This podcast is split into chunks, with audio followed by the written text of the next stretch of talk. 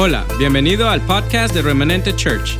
Esperamos que esta palabra te edifique y te inspire a acercarte a Dios. Disfruta el mensaje.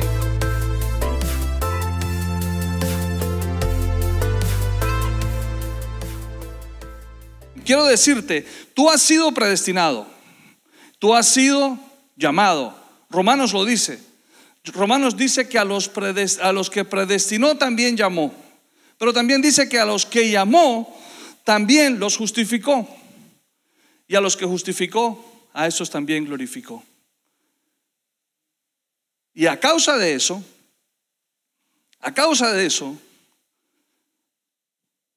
tribulación, angustia, persecución, hambre, desnudez, peligro, coronavirus, pandemia, escasez financiera, nada, Dice que nada nos podrá separar de su amor. Nada nos podrá separar de lo que Él hizo en nuestras vidas. Nada nos podrá hacer frente. Dice que ante todas estas cosas, tú y yo, tú que estás en casa y yo que estoy aquí en la iglesia, lo siento, te la estás perdiendo, pero tú que estás en casa y yo que estoy aquí, somos más que vencedores somos más que vencedores. Amén. Amén. Amén. Estaba yo preparándome para el cierre de la alabanza y me dice mi esposa, yo voy a cerrar. Yo le dije, bueno, ni modo, está bien, tú cierras. ¿No? Una, una mujer feliz, una casa feliz. Hay que, la verdad, hay que dejarla que ella, ¿no? Yo, para mí es importante cuando ella recibe algo de Dios, darle la libertad de que se mueva en lo que Dios le ha dado. Y de verdad que es una bendición. Me bendice muchísimo. Ok, los miércoles tenemos Connect Night y el miércoles yo estuve compartiendo una palabra aquí en inglés. Le cuento que es un reto predicar en inglés. Se mastica bastante, pero se puede, se puede. Es un reto que le hemos, le hemos aceptado al Señor. Y estuvimos aquí compartiendo el miércoles una palabra que quiero compartirla hoy también, pero quiero ampliarla un poco más. Quiero que, que el Señor me permita en el tiempo que nos ha, nos ha dado poder ampliar esta palabra. El miércoles yo les compartía como al principio de este año, en el mes de marzo, para ser más exactos, en marzo 8, yo recibí quizás una de las noticias más difíciles que he recibido este año, como la que ese mismo día la recibimos todos. Los que no se acuerdan les voy a recordar. Marzo 8 fue el último domingo en donde nosotros nos congregamos aquí, la iglesia estaba llena, llena. Tuvimos un servicio hermoso, pero eso fue el último domingo que nos congregamos. Y ese domingo me llegó la noticia a mí el domingo en la noche que el lunes nos iban a cerrar las puertas del negocio. Entonces, Pensar que te cierran las puertas del negocio es algo que tú no te esperas, es algo que tú dices, ¿qué pasó aquí? ¿No? Eh, eh, yo, yo me recuerdo que estuvimos reunidos ahí en, la, en, la, en, el, en el trabajo y veíamos la cosa muy rara, muy lenta, los muchachos muy tristes, pero decidimos esperar a ver la tarde y cuando me llegó la noticia de que nos cerraban las puertas, yo dije, este es un mal momento. ¿Por qué? ¿Por qué yo pensé y dije que era un mal momento? Porque en el negocio de los restaurantes el invierno es una temporada muy baja y en marzo es la primavera. Entonces nosotros, la gente que tiene negocios de restaurante, espera con muchas ansias la primavera. ¿Por qué? Porque es el tiempo bonito del año porque se abren los patios, porque aquí nosotros estamos tan aburridos de estar encerrados en el frío por más de seis meses que cuando sale el primer rayito de sol salimos corriendo como las hormiguitas después de que llueve, entonces los patios se llenan. Y para nosotros, en, este negocio, en este, en este mundo del, del servicio, ese tiempo es el mejor y empezamos entonces a poder pagar las cuentas en las cuales nos hemos atrasado en invierno. Entonces, cuando a mí me cierran las puertas en marzo, yo digo, no, este es un mal momento. Este no es el momento de cerrar. Si yo estoy esperando marzo, si yo estoy esperando abril, yo estoy esperando mayo, ¿cómo me vas a cerrar las puertas del negocio? Señor, no. Yo le preguntaba, Señor, pero Señor, ¿cómo? No, Señor. Y me recuerdo que el pastor estaba conmigo, estaba Karen también, estaba Cristian, y ellos me veían angustiado, pero era que por dentro el río estaba revuelto. ¿Verdad? Y solamente mis ojos hablaban y el pastor, me, el pastor me conoce muy bien y él sabía que algo estaba mal dentro de mí y era eso, era que me cerraban las puertas del negocio en la época en la que yo mejor vendo, en la época en la que yo puedo sacar, si se puede decir literalmente, el zapato del barro y ponerme al día día con las cuentas y pasar el año. Pero qué mal momento. Yo lo dije, este es un mal momento, Señor. Y ese es el título de la prédica. Este es un mal momento, ¿verdad? Qué, qué título tan negativo. Pero ¿cuántos de los que estamos aquí creemos en Dios? Yo creo que todos. ¿Cuántos tenemos años siendo cristianos? Yo creo que varios. ¿Cuántos tenemos más de 10 años de ser cristianos? Más de 20 años de ser cristianos. Yo creo que todos. Yo tengo más de 20 años de ser cristiano, de conocer a Cristo, de aceptarla como mi Señor, como mi Salvador. Pero en ese momento de angustia, yo dije, qué mal momento. Este es un mal momento, Señor. ¿Cuántos estamos dispuestos a creerle al Señor que Él llega a pesar de ser un mal momento? Todos necesitamos creerle a Dios que Él llega a pesar de que sea un mal momento. ¿Saben qué? Me voy a adelantar a algo que lo tenía para más adelante, pero lo siento en mi corazón fuerte. Yo no necesitaba el mes de marzo. Yo no necesitaba el mes de abril, ni mucho menos el 5 de mayo, que para un restaurante Tex-Mex es el mejor día del año. Yo no necesitaba el mes de marzo, ni abril, ni el 5 de mayo.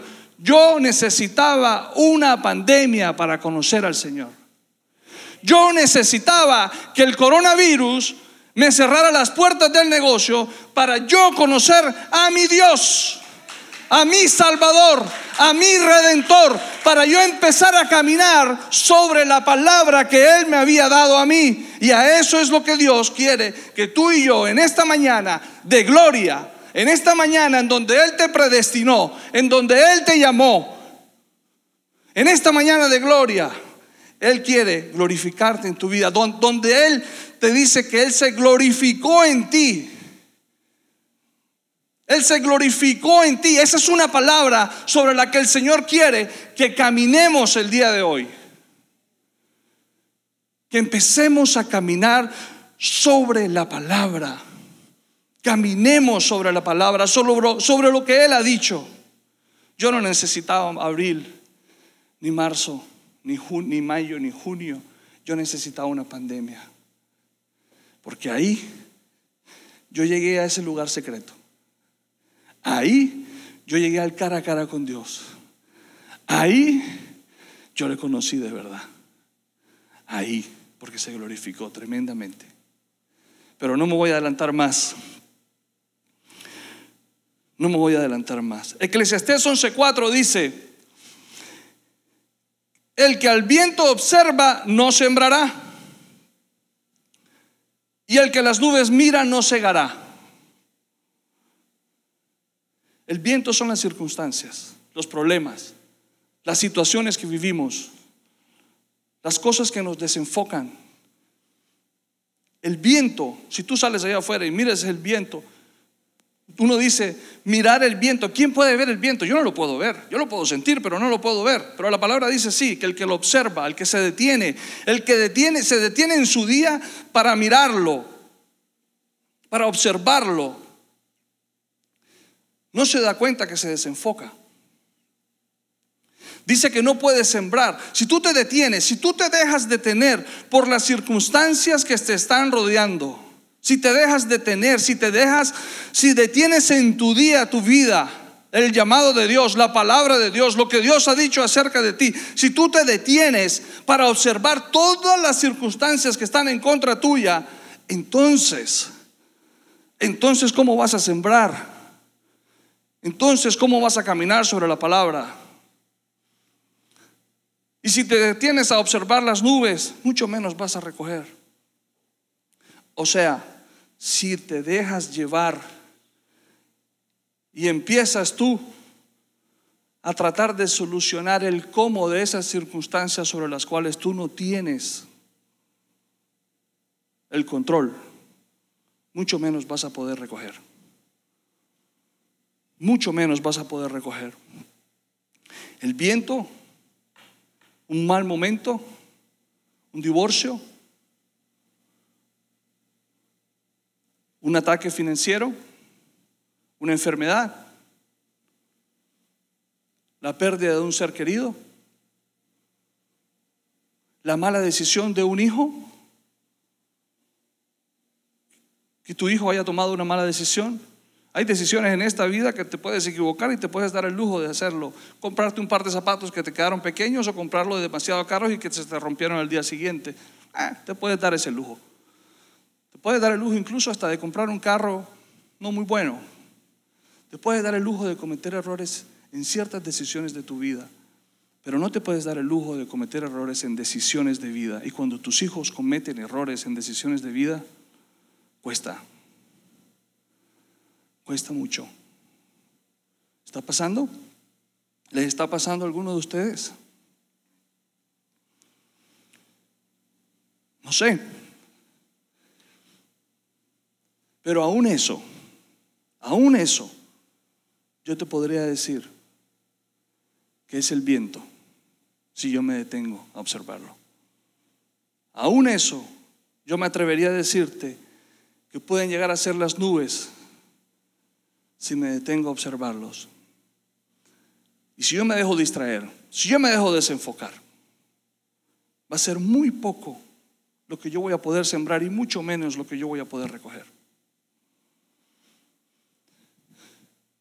Joven que estás ahí y que de pronto estás a punto de tomar una decisión importante en tu vida.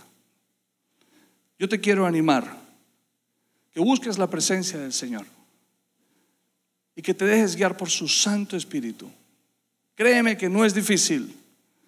Créeme que no te va a hablar en otro idioma, sino en el idioma que tú conoces. Créeme que si lo buscas de verdad, si lo buscas con un corazón sincero y honesto, si no te escondes de lo que te está arrastrando, sino que se lo presentas a Él, le vas a hacer mucho bien a tu familia. Le vas a hacer mucho bien sobre todo a tu vida, a tu familia, a tu generación, a tu mamá, a tu papá, a tus hermanos, a tus abuelos, a tus tíos. Hay decisiones de vida de las cuales no te puedes dar el lujo de cometer un error simplemente porque es que yo soy así y yo quiero y qué. Te animo a que te detengas un minuto. En Mateo 14, 13 hay una historia que todos conocemos muy bien y yo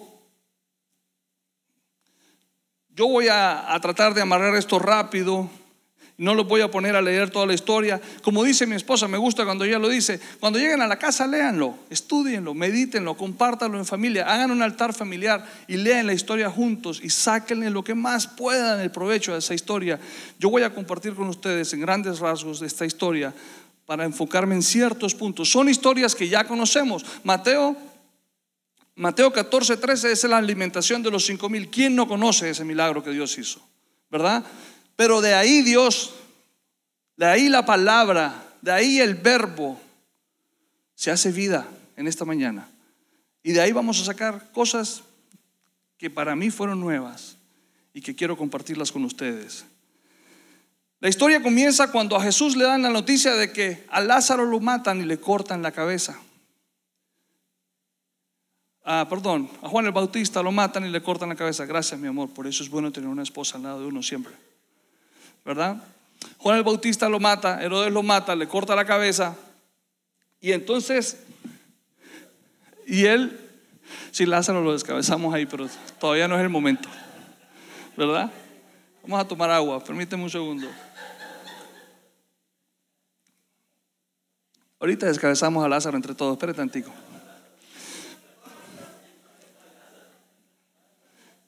Como dice, como dice el apóstol Wilmer. Les quiero decir a los que están en Colombia, si están viendo esto, remanente puede con todo. Amén.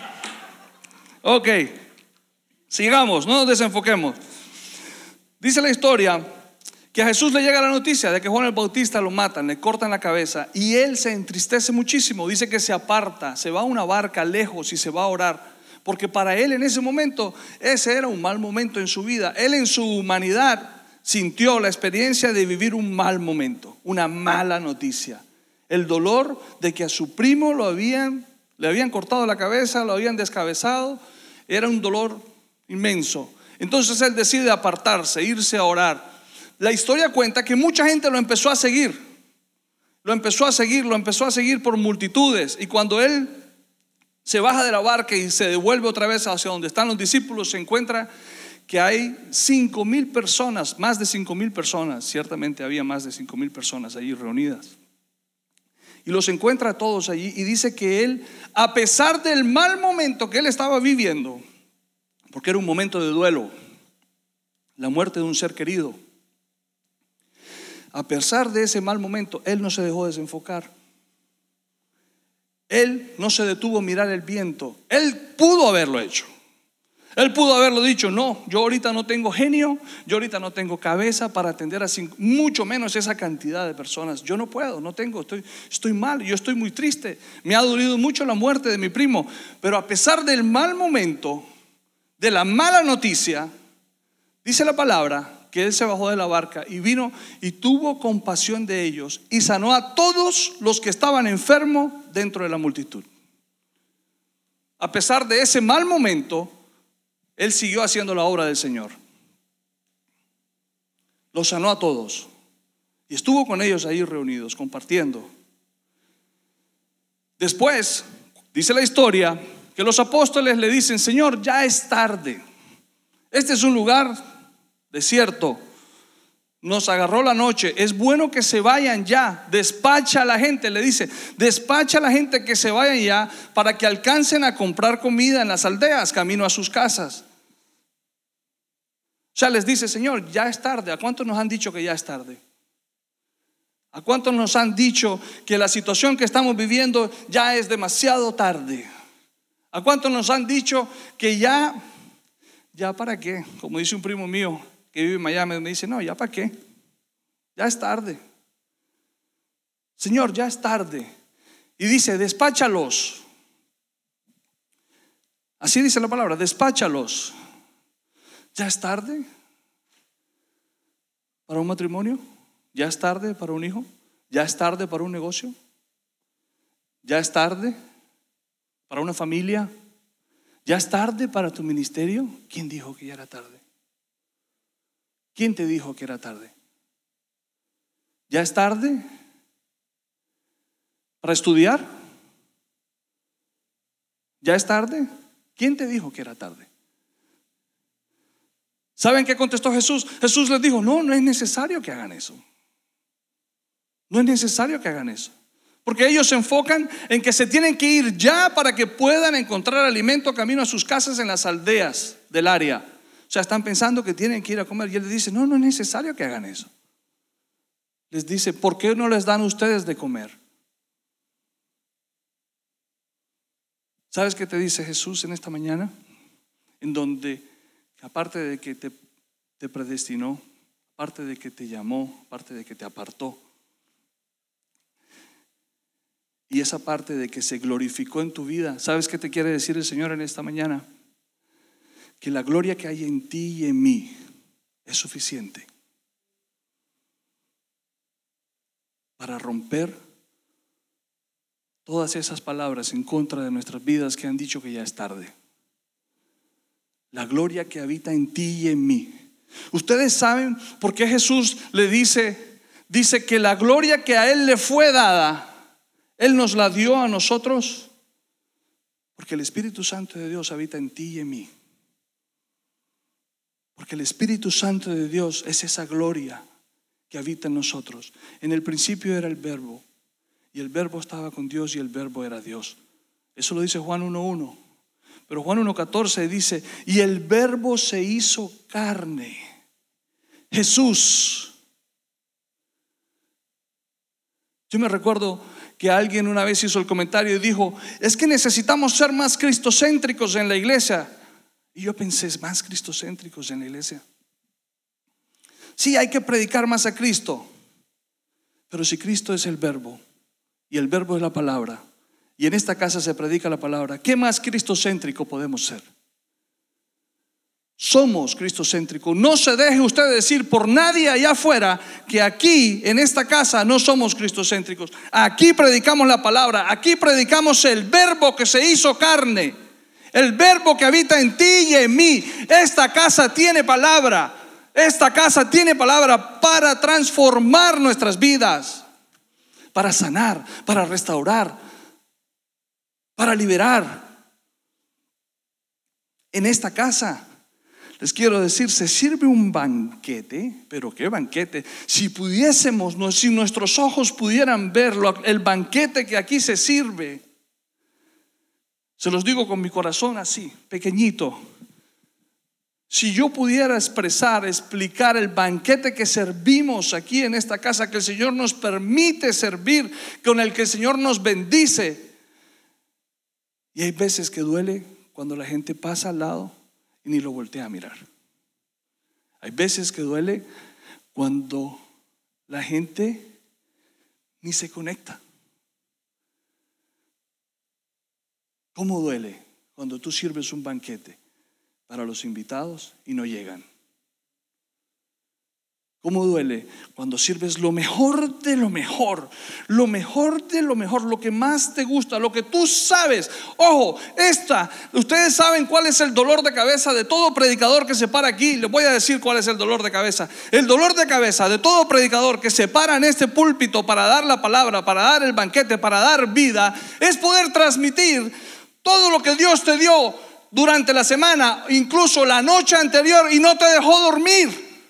Y entonces tú sientes esa angustia y tú sabes la necesidad que hay y tú sabes el deseo de la gente allá afuera por comer ese banquete que Dios te está dando y Dios te está alimentando y Dios te está sanando y Dios te está restaurando y Dios te está levantando y llegas a casa y sirves el banquete y pones la mejor mesa, pones la mejor comida y aún así te encuentras que se conectaron 15 en internet.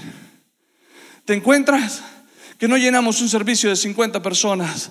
Te encuentras que todavía no podemos hacer un segundo servicio. Y el banquete está servido. Y el banquete está servido. Pero yo me meto en el Facebook y empiezo a mirar y me pongo a mirar, Señor, ¿qué tengo que hacer? Señor, ¿cómo hago? Señor, dame una estrategia. Señor, explícame lo que yo debo hacer. Señor, no he logrado capturar la, atención de ellos. Y ese desespero y Dios dándote. Y de pronto te metes y se te atraviesa un video de una mujer vendiendo aretes y tiene cinco mil personas conectadas. Cinco mil personas conectadas vendiendo aretes. Y de fantasía. Ah. Y tú vas a mirar para comprar y con 20 pesos te compras 3 y 4. Y oh, Dios mío, Señor, ¿será que los aretes valen más que este banquete que tú nos estás dando? Te conectas y encuentras una persona vendiendo camisetas con un logo que ni se puede leer y tiene 1300 views explicando cómo es que es el bordado del logo por la parte de atrás y esto y lo otro. Y no, espérense un momentico. Y los corazones, que no dejan ni leer los comentarios. ¿Ah? Yo tratando de leer y yo trato de mirar y, like y like y like y yo Dios mío. El miércoles cuando yo llegué a la casa, Connect Night, mami, bueno, predicamos en inglés. Uf, qué Qué reto, man. A Cristian le da risa porque él sabe cómo me pongo yo. Me sudan, me sudan hasta las orejas. Y yo empiezo, y llego a la casa, mami, y empiezo y me pongo a mirar cuántos se conectaron. Connect Night, el servicio que el liderazgo de jóvenes de remanente trabaja durante la semana y lo prepara. Y ustedes vieran la alabanza, el banquete que hay en la adoración. Óyeme, remanente tiene alabanza. Remanente es una casa de adoración. Remanente es una casa que tiene alabanza, adoración, restauración, sanidad, liberación. En remanente hay prosperidad. Y no es una cuestión de magia, no es una cuestión de que, oh, yo doy mi diezmo, entonces porque yo doy mi diezmo, entonces a mí el Señor me... No, no, no, no, no, no, no, no. Es una cuestión de obediencia, de convicción, de entender que es el principio. A mí no me importa si yo lo entiendo o no lo entiendo, pero si yo lo hago, yo sé que ahí está la bendición. Pero no solamente porque doy el 10%, sino porque el Señor lo dijo. Desde antes, como dice mi esposa, desde Génesis, Él le dijo al pueblo de Dios que lo quería bendecir en todo y por todo. En todas las áreas. Israel en 300 años llegó a ser la potencia número uno en el mundo. Cuando ellos habían sido esclavos por 400 años. 300 años después llegó a ser la nación más temida en el mundo Los reyes le tenían miedo a Israel. Pero esa fue la promesa de Dios sobre su pueblo. Miércoles en la noche llego yo a mi casa, mami, ¿cuántos fueron? Y mi esposa me dice, oh papi, fueron un buen número. Muéstrame, mami, ¿cuántos? No, mami, a mí no me gusta escucharme. Dime tú cuántos fueron. Me dice, sí, papi, 14. Y yo me quedo, ¿y acaso que 14? Bueno, yo, ustedes no saben, yo le hablé al pastor y le dije, pastor, necesitamos traerle a los jóvenes palabra en inglés, que ellos se identifiquen con la palabra, que ellos vean que nosotros estamos haciendo el esfuerzo por traerles a ellos esa palabra, ese banquete en su idioma. Para que ellos digan, esta es mi casa. Para que ellos se identifiquen, aquí, aquí yo quiero traer a mis hijos. Aquí yo quiero crecer mis hijos. Eso. Y yo le hablo al pastor y el pastor me dice, ok, hijo, hagámosle. Y me lanzo yo con todo y me pongo a mirar. De las 14 personas, había un joven. Había un joven. Yo no sé, mire, esto no está en la prédica. Pero Dios me llevó por aquí. Había un joven. Yo digo, Señor, me senté con el apóstol y le dije, apóstol, ¿qué tenemos que hacer? ¿Qué podemos hacer? El apóstol me dijo, ¿qué tienes en la mano? ¿Qué tenemos en la mano? Este pueblo lindo que está aquí. Ustedes, ustedes, a los que el Señor predestinó, a los que el Señor también llamó, a los que el Señor justificó por su sangre. Y a, que, y a ustedes también los glorificó. Iglesia, yo te quiero animar a que entendamos que nuestro llamado es servir a la gente. Yo te quiero animar a que no te pierdas de este banquete. No te pierdas de este hermoso buffet. Miren, alguien tuvo un sueño y trataba de explicar ese banquete. No podía explicar, no encontraba palabras para explicar el banquete que se sirve en esta casa. Lo que Dios nos ha dado no es poco. En la palabra de hoy, el reto más grande, me voy a la historia de Lázaro. Ahora sí, le vamos a volar la cabeza a Lázaro, como dice el pastor. María y Marta, grandes amigas de Lázaro, del Señor, hermanas de Lázaro, amigas del Señor Jesús. Se sentaban y cenaban y comían y compartían juntos, eran amigos, hablaban de la palabra, estudiaban la palabra juntos, caminaban con el verbo, comían con el verbo. ¿Cómo no van a conocer la palabra? María y Marta, por favor. Lázaro, por favor. Le mandan un mensaje al Señor Jesús. Si usted quiere saber esa historia, eso está en el libro de Juan, si no estoy mal. Le mandan un mensaje al Señor Jesús y le dice, Señor, tu amado amigo está muy enfermo. Es más, lo voy a leer rapidito, son tres versículos. Le dicen, ellas dos le mandan el mensaje y le dicen, Señor, tu amado amigo está muy enfermo, el que tú amas. Y él, Señor, dice, les voy a leer aquí rapidito. Permítame un 30 segundos, por favor. Enviaron pues las hermanas a decir a Jesús, Señor, el que amas está enfermo. Jesús al oírlo, al escuchar la noticia de que Lázaro estaba enfermo, Jesús dijo, ojo lo que dijo el Señor, ¿cuántas malas noticias le llegan al Señor Jesús? Gracias a Dios que yo no soy Dios. Porque si son con las tres, cuatro que me llegan en el día durante el negocio, yo me vuelvo loco. ¿Cómo será el Señor Jesús? ¿Cuántas malas noticias le llegan a Jesús? A Jesús le llega esta mala noticia y dice, esta enfermedad no es para muerte sino para la gloria de Dios, para que el Hijo de Dios sea glorificado por ella. ¿Cuántas malas noticias tú le has dado al Señor Jesús acerca de tu vida? Y tú no sabes cuál va a ser el desenlace, pero Jesús sí sabe. Jesús sabía que esa noticia no era para muerte. Jesús sabía que esa bancarrota no era para que tú pensaras que te vas a quedar ahí. Jesús sabía, Jesús sabe, Jesús sabe que esa enfermedad no es para muerte. Jesús sabe que el proceso que estás viviendo ahorita en tu vida no es para siempre. Jesús sabe que donde tú estás ahorita es por un momento, es por un instante, pero tienes que confiar en Él. Jesús sabe. Entonces Él le dice al mensajero, no es para muerte. Pero también hay aquí algo importante y dice, y amaba Jesús a Marta y a su hermana y a Lázaro también. Y cuando yo pues, que estaba enfermo, se quedó dos días más en el lugar donde estaba. Sea, que se quedó porque los amaba. O sea, que no corrió a ayudarlos porque los amaba.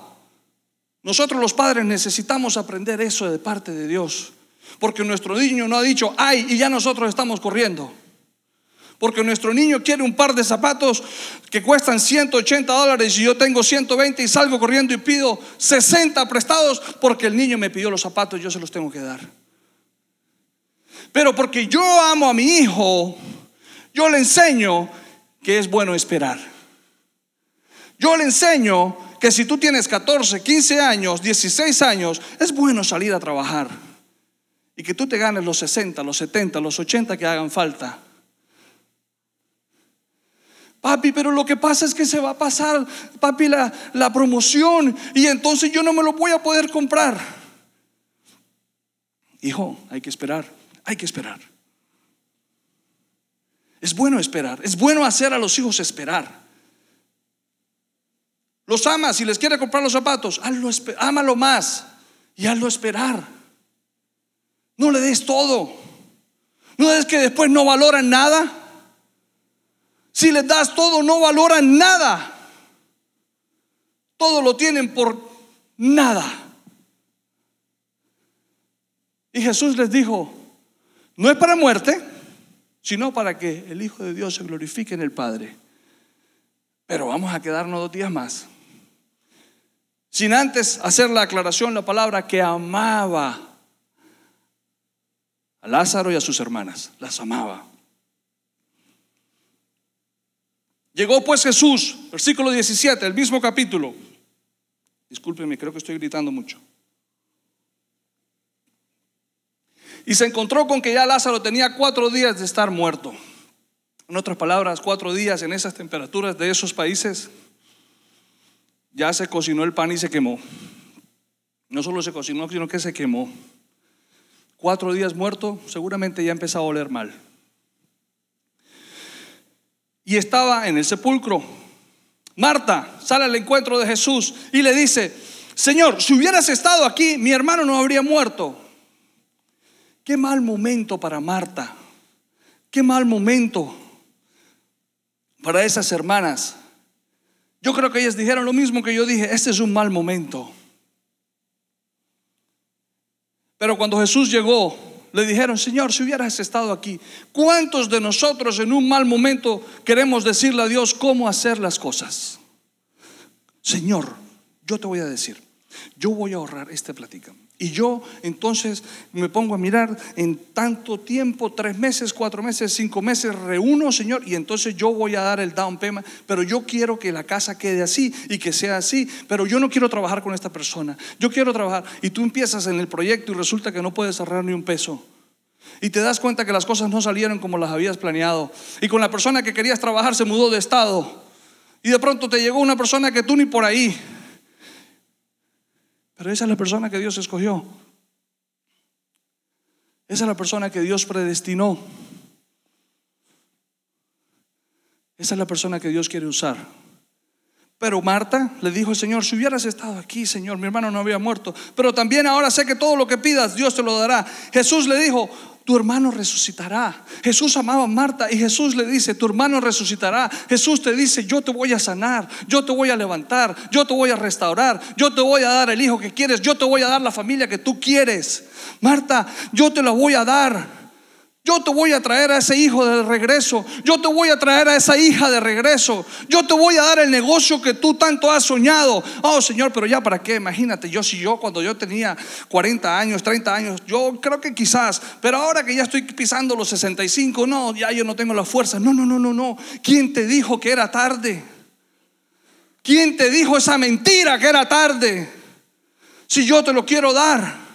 Y le dice, Tu hermano resucitará. Marta le dijo, oh, yo sé que resucitará en la, en la resurrección, en el día final. O sea que ella se sabía la palabra, ella sabía más la palabra que Jesús.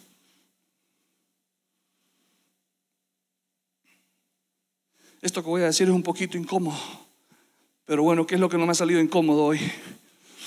Ah, hermanos cristianos de 15, 20, 22 años como yo, que hemos estudiado, leído, aprendido, cantado la palabra, que sabemos la palabra, que citamos la palabra, que memorizamos la palabra, que la ponemos en nuestro Instagram, que la ponemos en nuestro Facebook.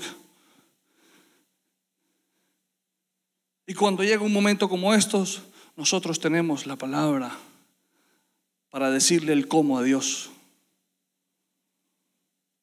Y se nos olvida que el verbo, la palabra, Jesús, Él es el que sabe el cómo. Pero como no confiamos, confiamos en Dios y creemos en Dios y tenemos la palabra, pero como no confiamos en el cuándo de Dios, sino que queremos que el cuándo sea como nosotros decimos. Y no confiamos en el cuándo será, en el cuándo de Dios, en el tiempo de Dios, para entenderme, para explicarme mejor. Jesús le dijo, cuando ella le dijo, yo sé que resucitará en la resurrección, en el día final. Jesús le dijo, yo soy la resurrección y la vida. Jesús te dice, yo soy. Yo soy esa palabra que se hizo carne. Yo soy esa palabra sobre la cual tienes que caminar. Yo soy esa palabra que te va a levantar. Yo soy esa palabra que te va a sanar. Yo soy esa palabra que no llegó tarde, Miriam. El cuando de Dios no llega tarde, mujer. El cuando de Dios llega en el tiempo preciso. Yo soy esa palabra. Yo soy la resurrección y la vida. Y el que cree en mí, aunque esté muerto, vivirá. Y todo aquel que vive y cree en mí, no morirá. Eternamente. ¿Crees esto? Le dijo. Y ella dice, sí Señor, yo creo. Yo he creído, dice. Tú eres el Cristo, el Hijo de Dios, el que ha venido al mundo. Pero después de que ella dijo eso, dice la palabra, que habiendo dicho esto, fue y llamó a María, su hermana, diciéndole en secreto, el maestro está aquí. O sea, el Señor te dice a ti hoy, el Señor te dice, voy a hacer algo, no, mejor no lo hago. El Señor te dice a ti hoy que Él es la palabra, que Él es la resurrección y la vida, que Él le puede dar vida a lo que tú ya enterraste, a lo que ya está en el sepulcro, a lo que ya huele feo, a lo que ya no quieres voltear a mirar. Y Él te dice que no, que va a resucitar, que Él te lo va a dar, que Él te lo quiere dar. Él puede hacer el milagro. Y ella dice, sí Señor, yo he creído. Y tú le dices al Señor, sí Señor, yo he creído, pero sigue si te vas a hacer todavía las cosas como tú dices que tienen que ser. Porque ¿qué hizo ella? Le dio la espalda a Jesús y se fue a buscar a María y dejó a la resurrección y la vida parado en la puerta de la entrada de la casa. Y ella le da la espalda y se va a buscar la hermana porque ella ya sabía. Oh, sí, Señor, yo sé. Es que ya yo sé. Porque yo he creído.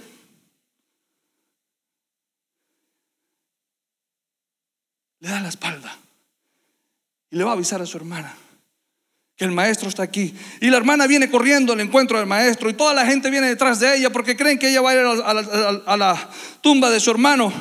Jesús todavía no había entrado a la aldea, es todo un caballero, él espera que tú llegues. Y entra y llega esta mujer. María cuando llegó a donde estaba Jesús, al verlo se postró a sus pies diciéndole, Señor, si hubieras estado aquí, también igual. La misma cosa.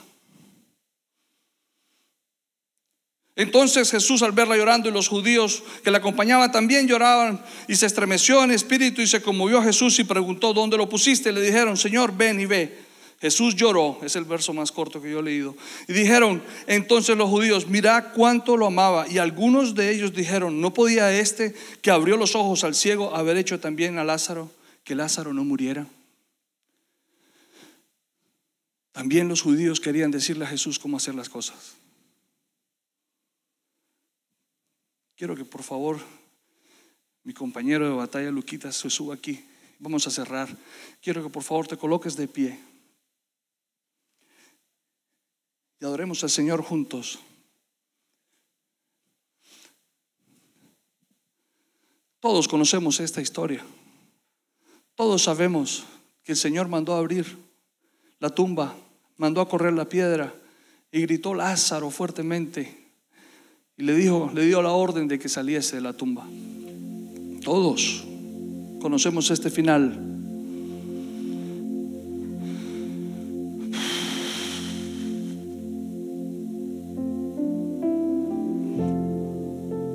El milagro más grande que Dios quiere hacer en esta mañana, en tu vida,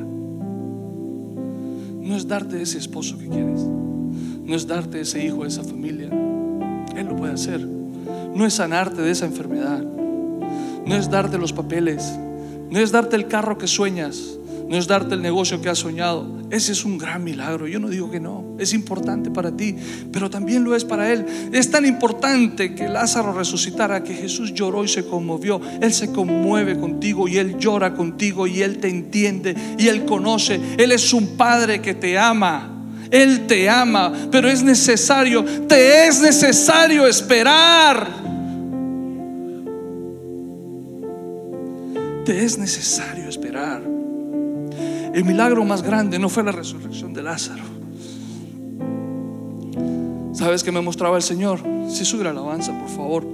El milagro más grande fueron esos dos días. Esos dos días que el Señor le dijo a los discípulos, vamos a quedarnos dos días más.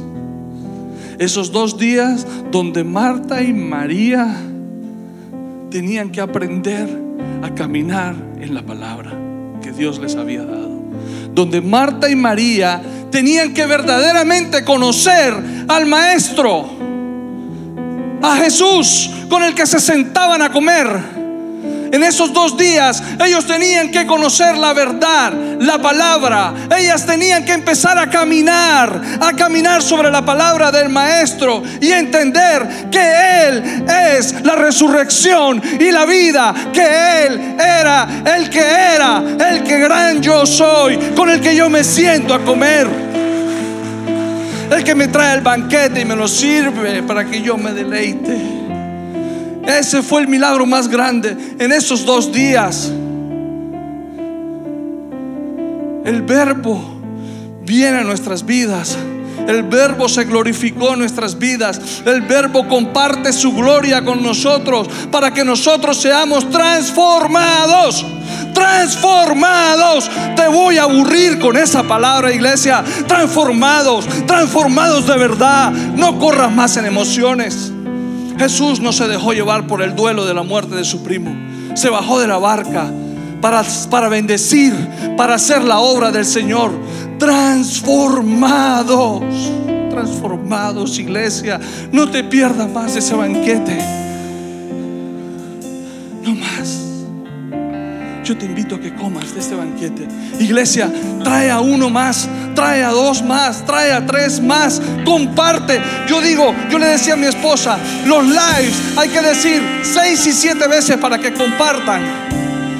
Comparte, comparte, comparte, comparte, comparte, comparte, comparte. Deja que otra gente se coma ese banquete que tú te lo estás dejando pasar. Si no te lo vas a comer, compártelo. No lo botes, no lo deseches. Deja, hay gente allá afuera. El pastor subió un video en Facebook. Te invito a que lo busques y lo mires. En la China arriesgan su vida para comer lo que nosotros comemos aquí todos los días.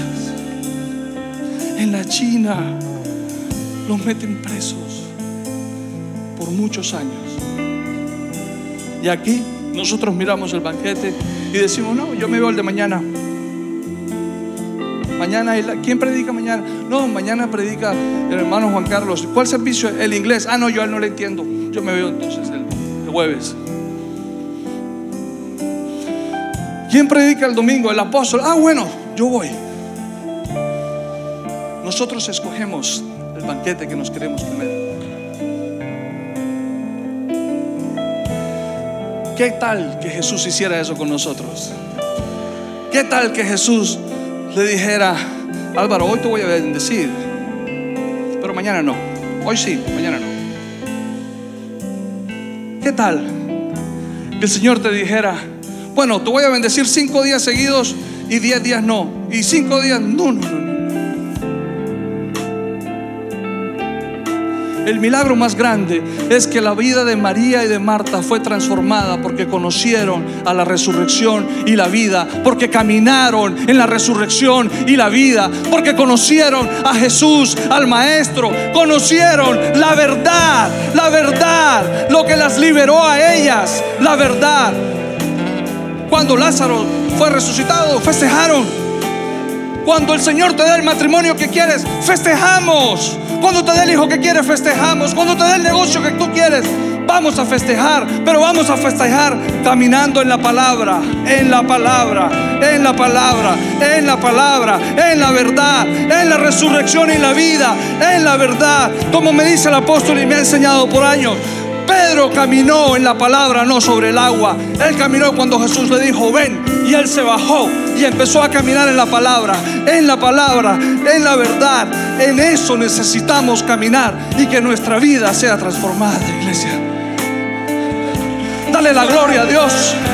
Dale la honra al Señor. Bendice su nombre. Cómete este banquete.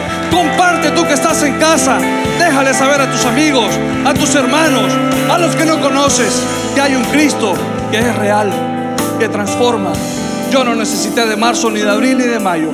Yo necesité de una pandemia para ver la mano de Dios sobre mi vida.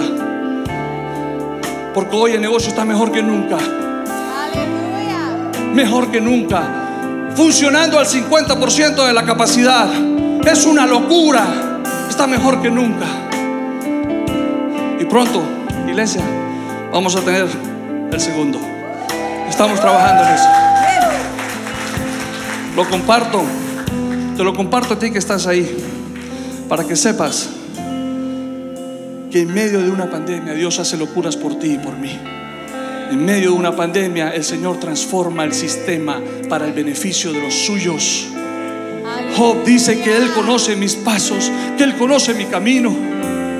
Recibe, recibe esta palabra, tú que la necesitas, ahí donde estás, alza tus manos y recibe, recibe la bendición que es una locura para el hombre. Recibe la bendición de Dios porque tú tienes un corazón justo, porque Él, Él, la palabra dice que Él te predestinó, la palabra dice que Él te llamó. La palabra dice que Él te justificó y la palabra dice que Él se glorificó en tu vida. Tienes todo, tenemos todo. Alábale y dale la gloria al Señor en esta mañana. Aleluya. Esperamos que este mensaje haya sido de bendición. No te olvides de suscribirte a nuestro podcast y seguirnos en Facebook e Instagram arroba remanente church.